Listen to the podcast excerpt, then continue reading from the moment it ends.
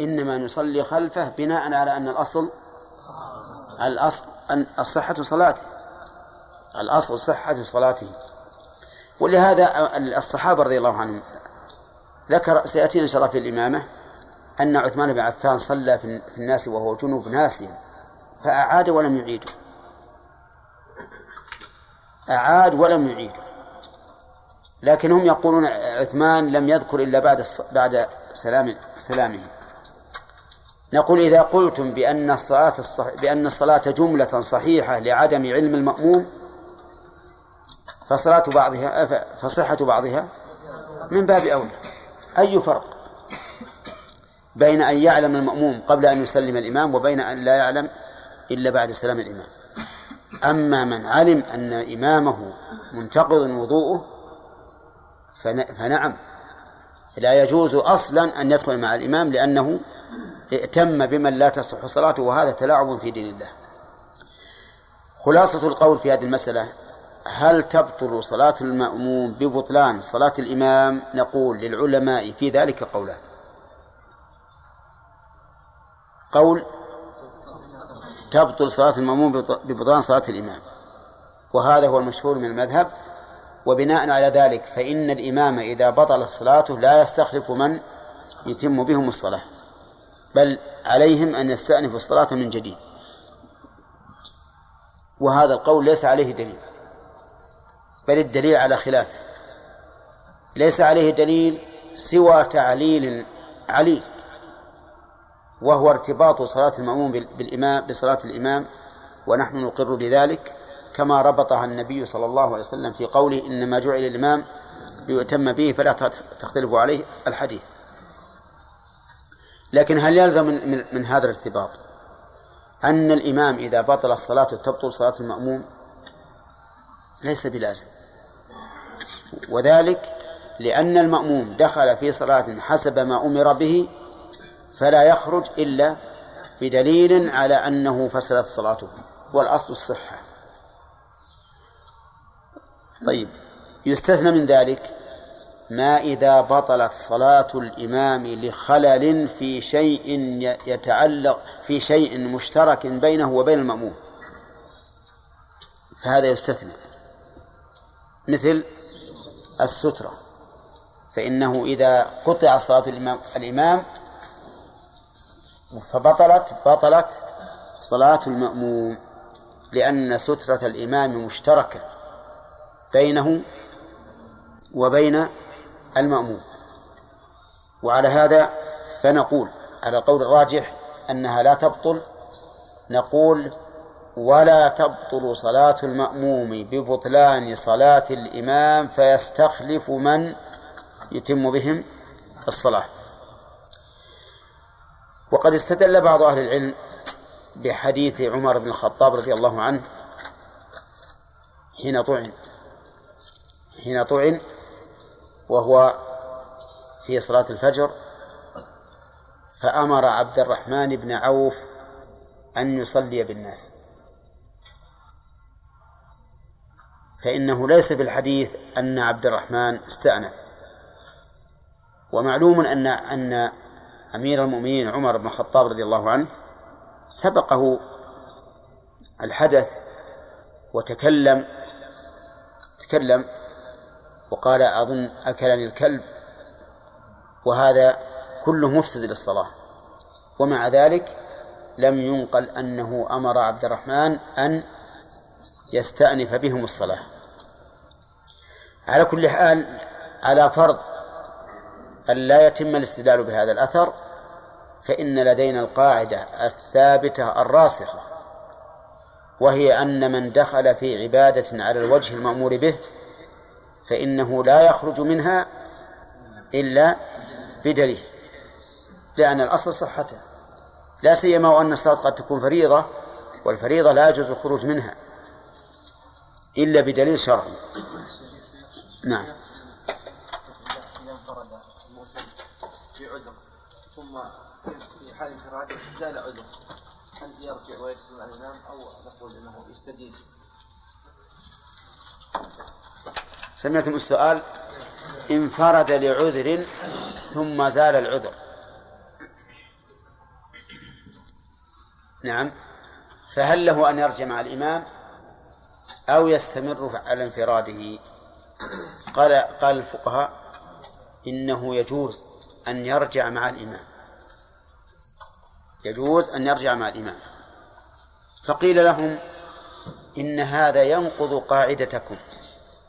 في قولكم إذا نوى المنفرد الائتمام لم تصح. فهذا رجل انفرد ثم قلتم له أن يعود فيكون مأموما.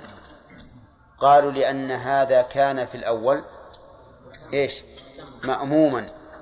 فرجوعه إلى الائتمام ثانية ليس ابتداء ائتمام وإنما هو عود إلى ائتمام شوف سبحان الله. تفريق لفظي الصورة مختلفة صحيح لكن المعنى واحد. رجع من من انفراد إلى ائتمام وأنتم تجوزون ذلك. المهم أنهم يقولون رحمهم الله يجوز أن يرجع مع إمامه يجوز أن يرجع. ولكن إذا قدرنا أنه قد صلى ركعة قد صلى ركعة ثم عاد مع إمامه وهو لم يزل في ركعته. ها. فإذا قام الإمام ليكمل صلاته ها يجلس. يجلس وينتظر. نعم. أو ينفرد ويتم. لا ها ها هذه هذه ترد أحيانا فيما إذا سلم الإمام قبل تمام صلاته. ثم قام المأموم ليقضي ما فاته. ثم قيل للإمام إنه باق علينا ركعة. فقام الإمام ليكمل هذه الركعة. ترد هذه كثيرا هل يرجع هذا هذا المأموم الذي قام ليقضي ما فاته مع الإمام ثم يقضي ما فاته بعد سلام الإمام؟ أو نقول هذا انفرد ويستمر؟ نقول هو مخير. هو انفرد الآن انفرد بمقتضى الدليل الشرعي. أولى طيب. نقول إذا أنت معذور بهذا الانفراد. إذا عاد الإمام لقضاء ما فاته لقضاء باقي صلاته أو إذا عاد لتكميل صلاته فأنت بالخيار. إن شئت استمر على صلاته وإن شئت فارجع مع الإمام. نعم. كيف يكمل؟ يعني الإمام قام يجيب يعني نهض ليأتي باللي فاته. طيب. وهذا يعني هذا قد نهض مثلا. أي. لنفرض أنه جاء بركعة والناس يتداولون آه، نقصت واللي يقول ما نقصت حتى تبين النقص نقص ركعة ركعة فجاء بركعة. المأموم المسبوق جاء بركعة ثم دخل مع الإمام في ركعتين. يسلم معه. لا ما يدخل مع الإمام ركعة كيف ما مداه شلون يعني هم فات الجماعة ركعة. طيب. وهو فايت ركعتين. زين. يوم قام يكمل الركعة والجماعة يعني يتناقشون هنا كمل ركعتين ركعتين. كل ركعتين؟ لا كمل ركعة وذولا كملوا ركعة وسلموا قبله وشلون؟ هو عليه ركعتين يا شيخ. ها؟ اصل الصلاة أصلا عليه ركعتين. الإمام عليه بازن عليه ركعة. المأموم. الإمام بازن عليه ركعة. الإمام عليه ركعة. والمأموم بازن ركعتين. وذولا فقام فقام هذا المأموم ليكمل. اي ما كمل ركعتين وإلا وذولاك مكملين الركعة. طيب هذا اللي إحنا نقول؟ يصلي ركعتين ويصلي واحدة لا لا لا خلاص يسلم. أصلا فايته أصلا لأن الإمام ناسي. طيب فاته كم؟ يعني فايته ثلاث على على على كم صلى مع الإمام هو؟ صلى سنتين طيب إذا فاته ثنتين. لكن هو ظن إنه فاتت إن الإمام صلى قبله ركعتين وهو ما صلى قبله إلا ركعتين. نعم.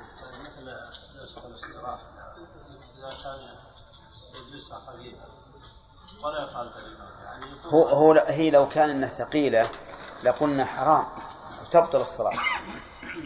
لكن نظرا نظرا إلى لكن لكن نظرا إلى أنها خفيفة قال الشيخ الإسلام إن الأولى الا يجلس ما قال يحرم. يعني في التشهد الأول لو لو جلس للتشهد الأول صار حرام اصبر اصبر اصبر. لأن الجلسة طويلة. لكن هذه حيث أنها خفيفة ما يظهر فيها مخالفة يعني بينة. صار الأولى أن لا يجلس ولكن لو جلس لم يأثم لو جلس لم يأثم نعم. على أن جلسة الاستراحة في الحقيقة إذا لو أنك تعمقت في الحديث لوجدت أنها جلسة ما هي خفيفة كما يفعل بعض الناس الآن. هذه الجلسة الخفيفة بالحقيقة تعب ما هي جلسة استراحة؟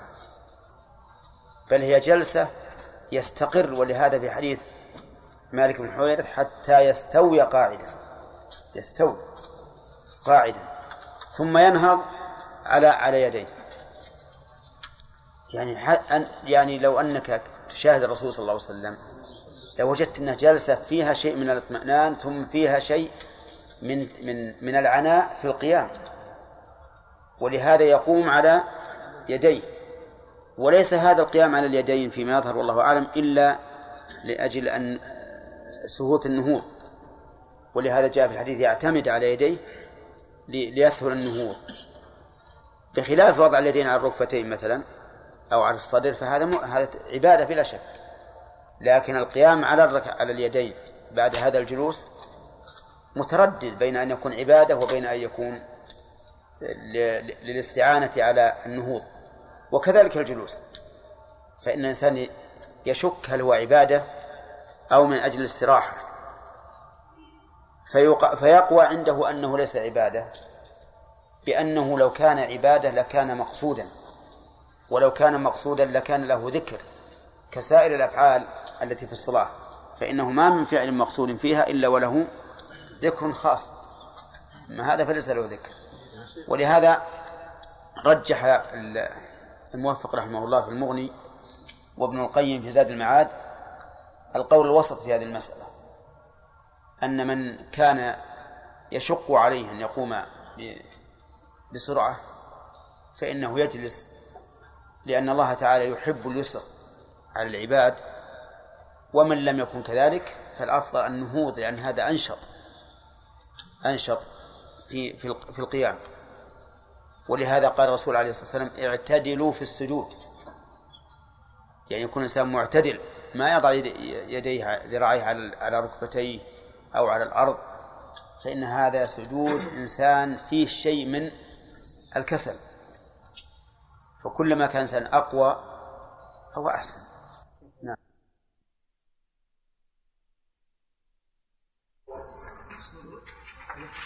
شروط جمع شرط وهو ما يلزم من وجوده ما يلزم من عدمه العدم ومن ومن ولا يلزم من وجوده الوجود. طيب ما الفرق بينه وبين السبب؟ أن السبب هو ما يلزم من وجوده الوجود ويلزم من عدمه العدم. إذن الفرق. أنه لو عدم. الفرق. ما بالحكم؟ نعم. الفرق أن الشرط لا يلزم من وجود الوجود. نعم. وأما السبب فيلزم من وجود الوجود. صح. الفرق أن الشرط لا يلزم من وجوده الوجود وأما السبب فيلزم من وجوده الوجود. ما الفرق بين الشرط والمانع؟ الشرط نعم. ما تعرف؟ نعم الشرط الأخ. المانع. نعم. ما يلزم من وجوده العدم. نعم. ولا يلزم من عدمه؟ من عدمه الوجود. إيه. إذن الفرق بينه وبين الشرط. أن الشرط. ما ي... الشرط ما يلزم من عدمه ما يلزم من عدمه العدم والمانع ما يلزم من عدم من وجوده العدم من وجوده العدم إذن هو عكس الشرط. نعم. كذا؟ طيب. يقول المؤلف إن شروط الصلاة قبلها يا عبد الرحمن بن إبراهيم. لماذا قال شروطها قبلها؟ لأنها واجبة لها لا فيها. إيه لكن لماذا قال؟ ليبين الفرق بينها وبين وبين الأركان. فإن الأركان منها. أما هذه فهي قبلها قبلها ويجب أن تستمر. يجب أن تستمر فيها كلها. أما الأركان فهي منها وتتنقل. قيام ثم ركوع ثم سجود ثم قعود. أما هذه فهي مستمرة من أول العبادة إلى آخره. طيب. لماذا بدأ المؤلف بالوقت؟ محمد. بدأ بالوقت لأنه أول شرط يلزم آه، للصلاة لفعل الصلاة. ما فهمت. أول شرط هو بدأ بالوقت لأنه أول شرط آه، يبدأ به الصلاة. سلامك. نعم. الصلاة. لأنه أهم الشروط. ولهذا تجب مراعاته مراعاته وإن فاتت الشروط الأخرى. واضح؟ إذا لأنه أهم الشروط ولهذا تجب مراعاته ولو فاتت الشروط الأخرى. فلو قدر أن الإنسان ما عنده ما يتوضأ به ولا ما يتيمم به وخاف فوت الوقت وجب أن يصلي بلا وضوء ولا تيمم. ولو كان عنده ولو لم يكن عنده ما يستر به عورته وجب أن يصلي ولو كان عريانا. فبدأ به لأنه أهم الشروط. ولهذا تجب مراعاته وإن فاتت بعض الشروط أو عجز عن بعض الأركان. ما هو الدليل على اشتراط الوقت من القرآن؟ نعم. ما حضرت؟ نعم. محمد تعالى ان الصلاه كانت على المؤمنين كتابا نعم. قوله تعالى إن الصلاة كانت على المؤمنين كتابا موقوتا يعني مفروضا بوقت معين. طيب. الصلوات كم المؤقتة؟ الفريضة المؤقتة كم؟ خمسة. خمسة. اذكرها. الظهر والعصر والمغرب والعشاء والفجر. طيب. هل في القرآن ما يشير إلى هذه الأوقات خمسة؟ نعم قول الله عز وجل إن الصلاة كانت على المؤمنين لا هذه تدل على مجرد الوقت. أنا أقول الأوقات الخمسة. نعم الله عز وجل حافظوا على الص- على الصلاة والصلاة الوسطى. أين الوقت؟ أين الوقت؟ أقم أي نعم. أقم الصلاة لدلوك الشمس إلى غسق الليل وقرآن الفجر إن قرآن الفجر كان مشهودا. نعم صح. نعم. طيب. أنا بخبركم الطالب إذا جاء بدليل خطأ يكون خطأ من وجهين. من جهة الدليل ومن جهة الاستدلال. ولا لا؟ انتبهوا. ما هي بالمسألة بس جواب سؤاله بس طيب كيف؟ لازم خطأ الدليل خطأ لا لا. قد يأتي بالدليل ويأتي في الاستدلال. يلا الآن أقم الصلاة لدلوك الشمس إلى إلى إلى غسق الليل. نعم. بس لا. وقرآن الفجر هذه صلاة الفجر. إذا م- لدلوك الشمس أي هذه صلاة اصبر الظهر أي أي. أي الظهر والعصر؟ لا يا أخي. دلوك الشمس وش منها؟ لا أحد يتكلم. أقم الصلاة. لدلوك الشمس. أي. وش دلوك الشمس؟ آه، دلوك الشمس إلى وقت ال- أو كذا. عارف بس ما أجل عبر عنه يا عبد الرحمن. أي زوال ترى ترى اللي فاهمه ناصر ولكن أنت عبرت عنه طيب. دلوك الشمس إلى زوالها طيب غسق الليل. غسق الليل إلى ظلمة الليل. شدة الظلمة؟ شدة الظلمة. طيب. هذه هذا الوقت من دلوك الشمس إلى غسق الليل وش يدخل فيه؟ من دلوك الشمس إلى غسق الليل هذا يدخل فيه المغرب. وراك بديت مع مع المغرب. من دلوك الشمس هذا يعني أظن إن إلى صلينا الظهر ما هو المغرب لا من دلوك الشمس هذا شو اسمه؟ الظهر. نعم. والعصر. نعم. والمغرب والعشاء. والمغرب والعشاء. نعم صح. نعم. أربع صلوات. وقرآن الفجر وحدها. كذا؟ نعم. لماذا جمع الله هذه الأوقات الأربعة نعم. في وقت واحد؟ لدلوك الشمس إلى غسق الليل. لأهمية صلاة الفجر. سلامك. إمداد؟ لأنه لا يوجد فاصل بين أوقات هذه الصلوات الأربعة. أحسنت. وأما بالنسبة للفجر فيوجد فاصل. أوقاتها متواصلة. واضح؟ من نصف النهار إلى نصف الليل. بعد نصف الليل ما في وقت لا للعشاء ولا لغيره. والفجر مستقلة بنفسها. لا يتصل بها صلاة قبلها ولا صلاة بعدها. أما السنة فبينها الرسول عليه الصلاة والسلام بيانا واضحا. فوقت الظهر من إلى من زوال الشمس نعم إلى أن يصير ظل مثله إلى أن يصير ظل كل شيء مثله. كذا؟ طيب. بعد في الزوال. اشرح لي الكلمة هذه. اي اشرحها بالمثال إن شئت إذا أتينا بشاخص. نعم. شاخص أي؟ أي شيء مرتفع عن الأرض. أي شيء مرتفع عن الأرض. كالعصا. كالعصا طيب. ثم جاءت الشمس. ركزناه في, في الأرض. في الأرض بشكل عمودي. نعم. ثم جاءت الشمس إلى كبد السماء. لا أول خلنا خلنا نبدأ مع الشمس من أول ما تجي. من الفجر. لا مو من الفجر من طلوعها لأنها قبل ف... قبل طلوعها ما ندري عنها. طيب. صعدت الشمس من المشرق. ها. كلما ارتفعت؟ كلما ارتفعت كان لهذا الشخص ظل. كان لهذا الشخص ظل معين. أي. فكلما ارتفعت كلما تناقص هذا الظل. كلما تناقص خطأ. في اللغة العربية. تناقص هذا الظل. أي. صح. تناقص هذا الظل. كلما ارتفعت نقص الظل. نقص الظل. تمام. حتى يصير لا ظل له. لا. أو يزداد الظل من الجهة الأخرى قليلا؟ حتى يقف النقص. حتى يقف النقص. طيب. فإذا بدأ بالزيادة أدنى زيادة. فقد. زالت. زالت الشمس. أحسنت. ودخل انتبهوا لهذا. لأنه ما يصلح أن نقول حتى لا يكون له ظل. هذا ما يمكن. ما يمكن. لا بد يكون له ظل لأننا نحن في المكان هذا لا بد يكون له ظل لكن في بعض الأمكنة ما يكون له ظل لكن نحن الآن في جهة الشمال. في شمال الكرة الأرضية فلا بد من ظل. في الشتاء الظل واضح جدا في الصيف يقصر. طيب إذا نقول الصواب أن نقول العبارة السليمة أن نقول حتى ينتهي نقصه. فإذا أخذ في الزيادة أدنى زيادة فقد زالت الشمس. حط علامة على مبتدأ الزيادة. حط علامة. وبعدين؟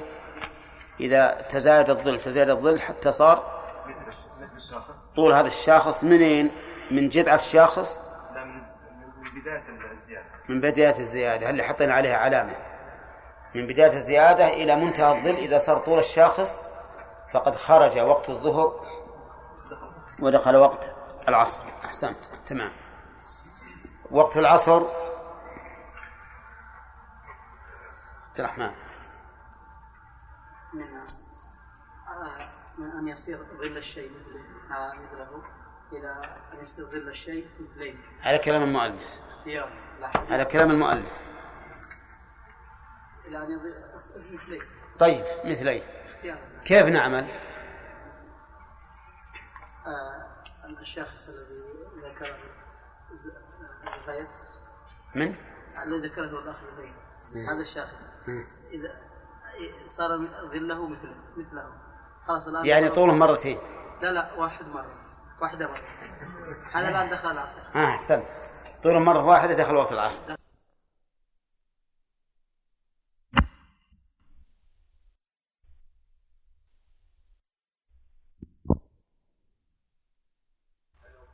ما يمكن. لا بد يكون له ظل لأننا نحن في المكان هذا لا بد يكون له ظل لكن في بعض الأمكنة ما يكون له ظل لكن نحن الآن في جهة الشمال. في شمال الكرة الأرضية. فلا بد من ظل. في الشتاء الظل واضح جدا. في الصيف يقصر. طيب. إذا نقول الصواب أن نقول العبارة السليمة أن نقول حتى ينتهي نقصه. فإذا أخذ في الزيادة أدنى زيادة فقد زالت الشمس. حط علامة على مبتدأ الزيادة. حط علامة. وبعدين؟ إذا تزايد الظل تزايد الظل حتى صار طول هذا الشاخص منين؟ من جذع الشاخص؟ من بداية الزيادة. من بداية الزيادة. اللي حطينا عليها علامة؟ من بداية الزيادة إلى منتهى الظل إذا صار طول الشاخص فقد خرج وقت الظهر ودخل وقت العصر. أحسنت. تمام. وقت العصر. عبد الرحمن. من آه، من أن يصير ظل الشيء مثله آه، ان يستظل الشيء مثلين على كلام المؤلف. على كلام المؤلف. مثلين طيب مثلي. اختيار. كيف نعمل؟ آه الشاخص الذي الغير. من؟ الذي ذكره الأخ هذا الشاخص إذا صار ظله مثله مثله. خلاص الآن يعني طوله مرتين. لا لا واحد مرة. واحدة مره هذا الآن دخل العصر. آه احسنت طوله مرة واحدة دخل وقت العصر. طول مرتين. إلى أن يصل مرتين خلاص انتهى وقت العصر. اختيار طيب. أحسنت. معنى قولك اختيارا؟ يعني إذا كان للضرورة إلى تحمر الشمس أو تغرب. لا إلى أن تغرب الشمس. لأن المؤلف يقول الضرورة إلى غروبها. تمام. طيب. آه وقت المغرب. نعم. الأخ أنت. لو حضرت لم يستقبل يا ابن المان ها. غروب الشمس حتى مغيب الشفق الأحمر. من غروب الشمس إلى مغيب الشفق الأحمر. تمام. مغيب الشمس واضح؟ يعني إذا غاب قرصه عن عن النظر الشفق الأحمر يعني الحمرة التي في السماء عند مغيب الشمس إذا زالت خرج وقت المغرب. وقت العشاء عيد. زوال هذه الحمراء إلى منتصف الليل. إلى منتصف الليل. أحسنت. طيب منتصف الليل نقيسه بماذا؟ نقيس من بعد غروب الشمس إلى الفجر هذا المنتصف. هذا منتصف الليل. طيب. فمثلا إذا قدرنا أنه من أنه من غروب الشمس إلى صلاة الفجر ست ساعات. لا قصد 12 ساعة. يكون نصف الليل ست ساعات. تمام. طيب. وقت الفجر أحمد. الفجر إيه. يدخل من طلوع الفجر الثاني إلى طلوع الشمس إلى طلوع الشمس. تمام. أنت قلت طلوع الفجر الثاني. هل هناك فجر أول؟ نعم. فيه فجر كاذب أول. نعم. يختلف عن الفجر الثاني بعدة أمور. ما هي؟ أنه أن الفجر صادق. الفجر الأول؟ نعم. الفجر الأول يعني ليس شديد البياض. لا. حتى هذا أول ما يخرج ما هو بشديد البياض. الفجر الأول يخرج ما يخرج أول ما يخرج ليس معترضا. مستطيلا في السماء. نعم والثاني معترض. أفقي يعني. طيب هذا واحد. الثاني أن الفجر الكاذب الأول يخرج ثم يغيب. نعم هذا اثنين. وأما أما ذاك فيخرج ثم يزداد. نعم. طيب. الفجر الثالث آه الفرق الثالث. أن النور الأول ليس كنور الثاني. لا.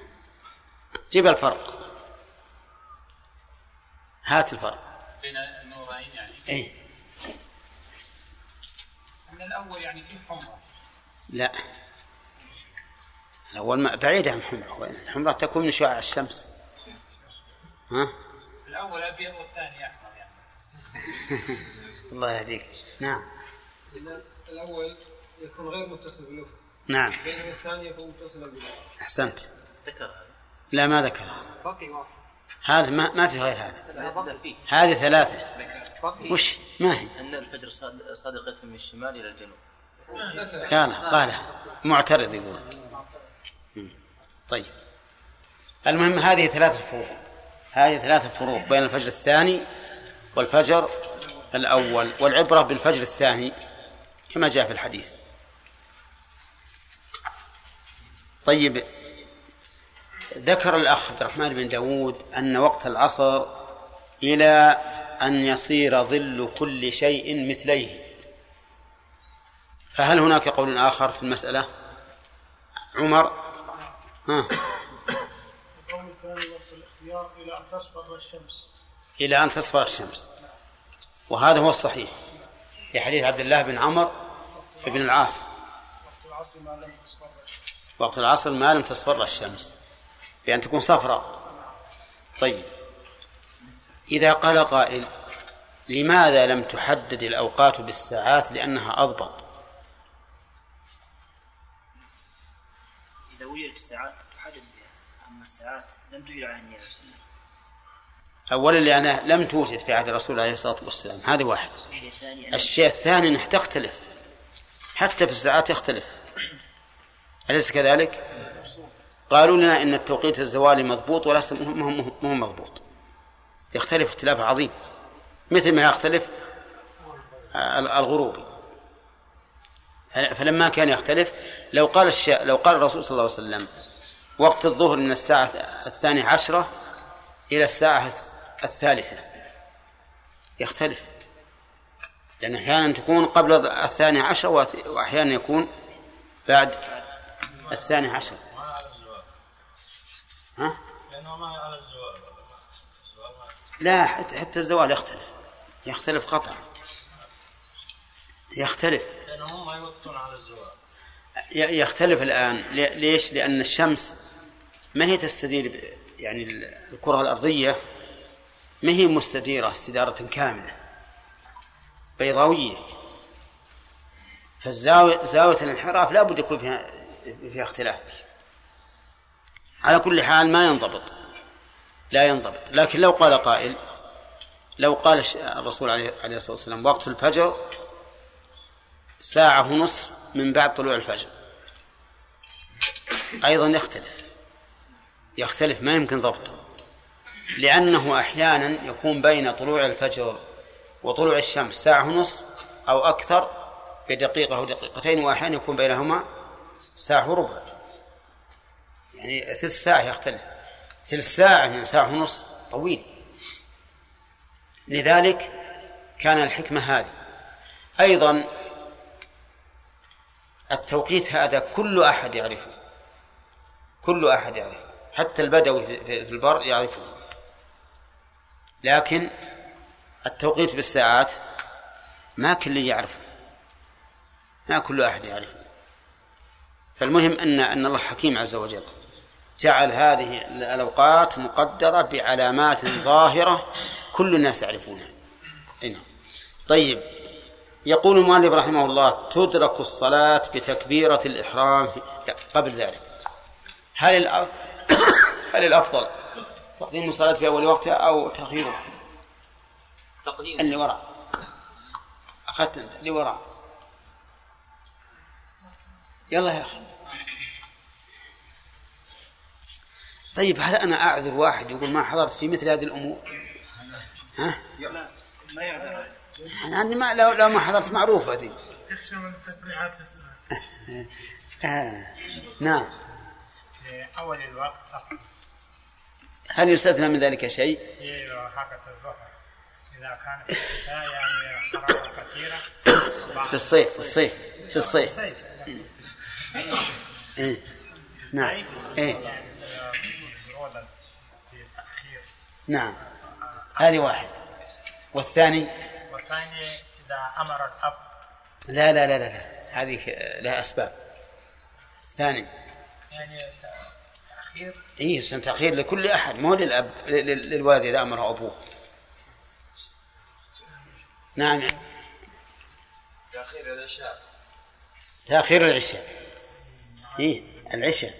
العشاء في كل وقت تأخيرها أفضل. إلا إذا شق. كذا ولا لا؟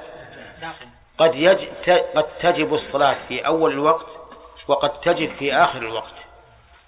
قد تجب في أول الوقت وقد تجب في آخر الوقت. ولا لا؟ طيب. متى تجب في أول الوقت؟ متى تجب في أول شلون شلون شلون يجب يفعلها في أول وقت هذا اللي هو يعني الظهر ما يجوز تأخره لازم تفعل بأول وقت. أعطنا قاعدة. قاعدة.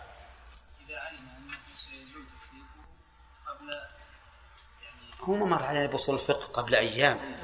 مر علينا قريب. في أصول الفقه. ها. إذا ظن مانعا.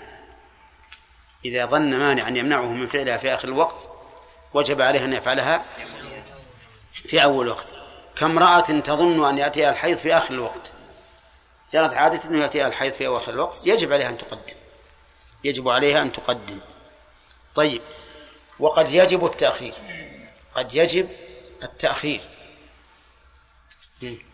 إذا زال المانع وكان آخر الوقت. لا.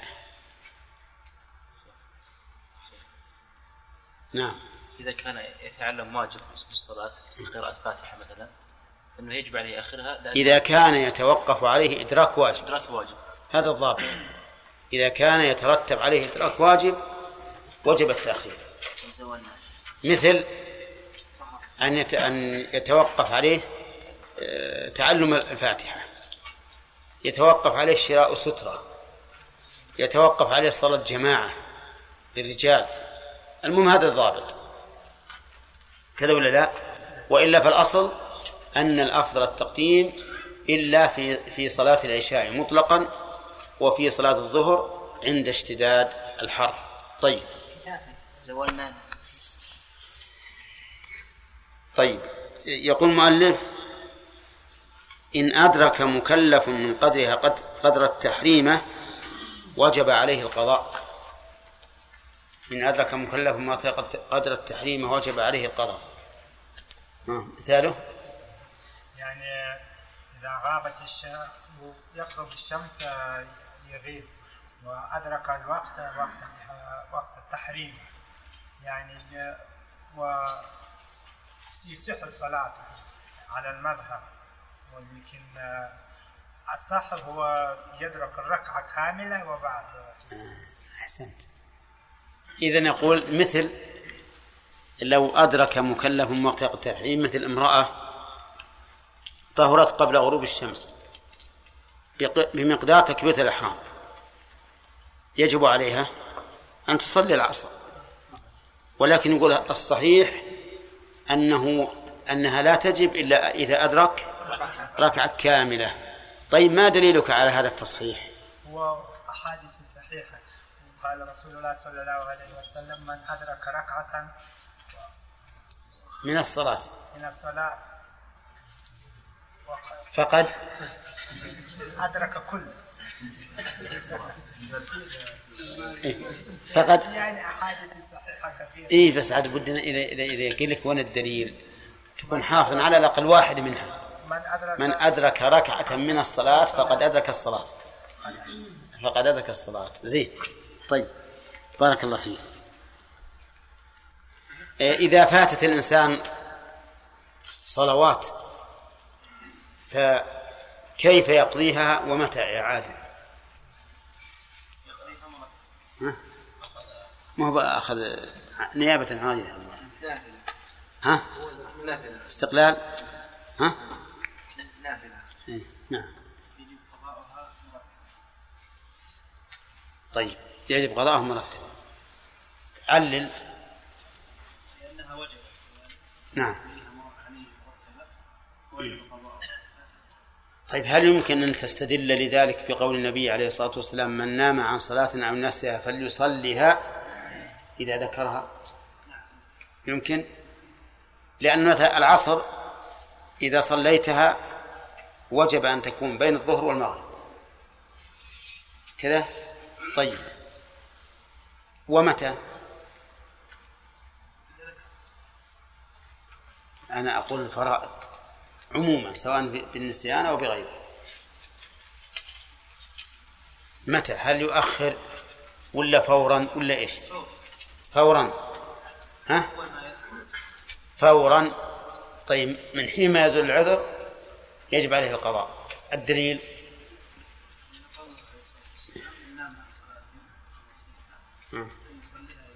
إذا ذكرها فأمر بالصلاة بصلاتها إذا ذكرها وهذا يدل على وجوب القضاء فورا من حين يذكر. طيب فائدة التوقيت في العبادات في الصلاة مثلا. ما هي الفائدة من التوقيت؟ ذكرنا عدة فوائد. الفائدة الأولى هو الاسم- أن يكون جميع وقت الإنسان ذكر الله سبحانه وتعالى. شيء ثاني؟ لا لا هذا فائدة توزيعها. أنا فائدة توقيتها يعني الفائدة من كونها حددت بوقت. نعم. أنها لا تصح قبله. ها؟ ولا. تصح بعد. بعده. أما قبله فلا تصح مطلقا. أما بعده فتصح للعذر. ولغير عذر لا تصح. وبناء على ذلك لو تعمد الإنسان أن يؤخر الصلاة عن وقتها ثم صلاها فإنها لا تقبل منه. ولو صلى مئة مرة. ولا لا؟ وقد ذكرنا خلاف أهل العلم في هذه المسألة وناقشنا الخلاف وتبين لنا أن الراجح هو هذا أن الإنسان إذا أخر الصلاة عن وقتها بلا عذر فلا صلاة له. كما أنه لو قدمها فلا صلاة له. أما لعذر فقد جاء الحديث عن النبي عليه الصلاة والسلام من نام عن صلاة أو نسيها فليصليها إذا ذكرها هنا. طيب. الأخ بماذا يسقط الترتيب؟ يسقط الترتيب بالنسيان بنسيانه. أو خوف فوات وقت الحاضرة. أو خوف فوات وقت الحاضرة الاختياري.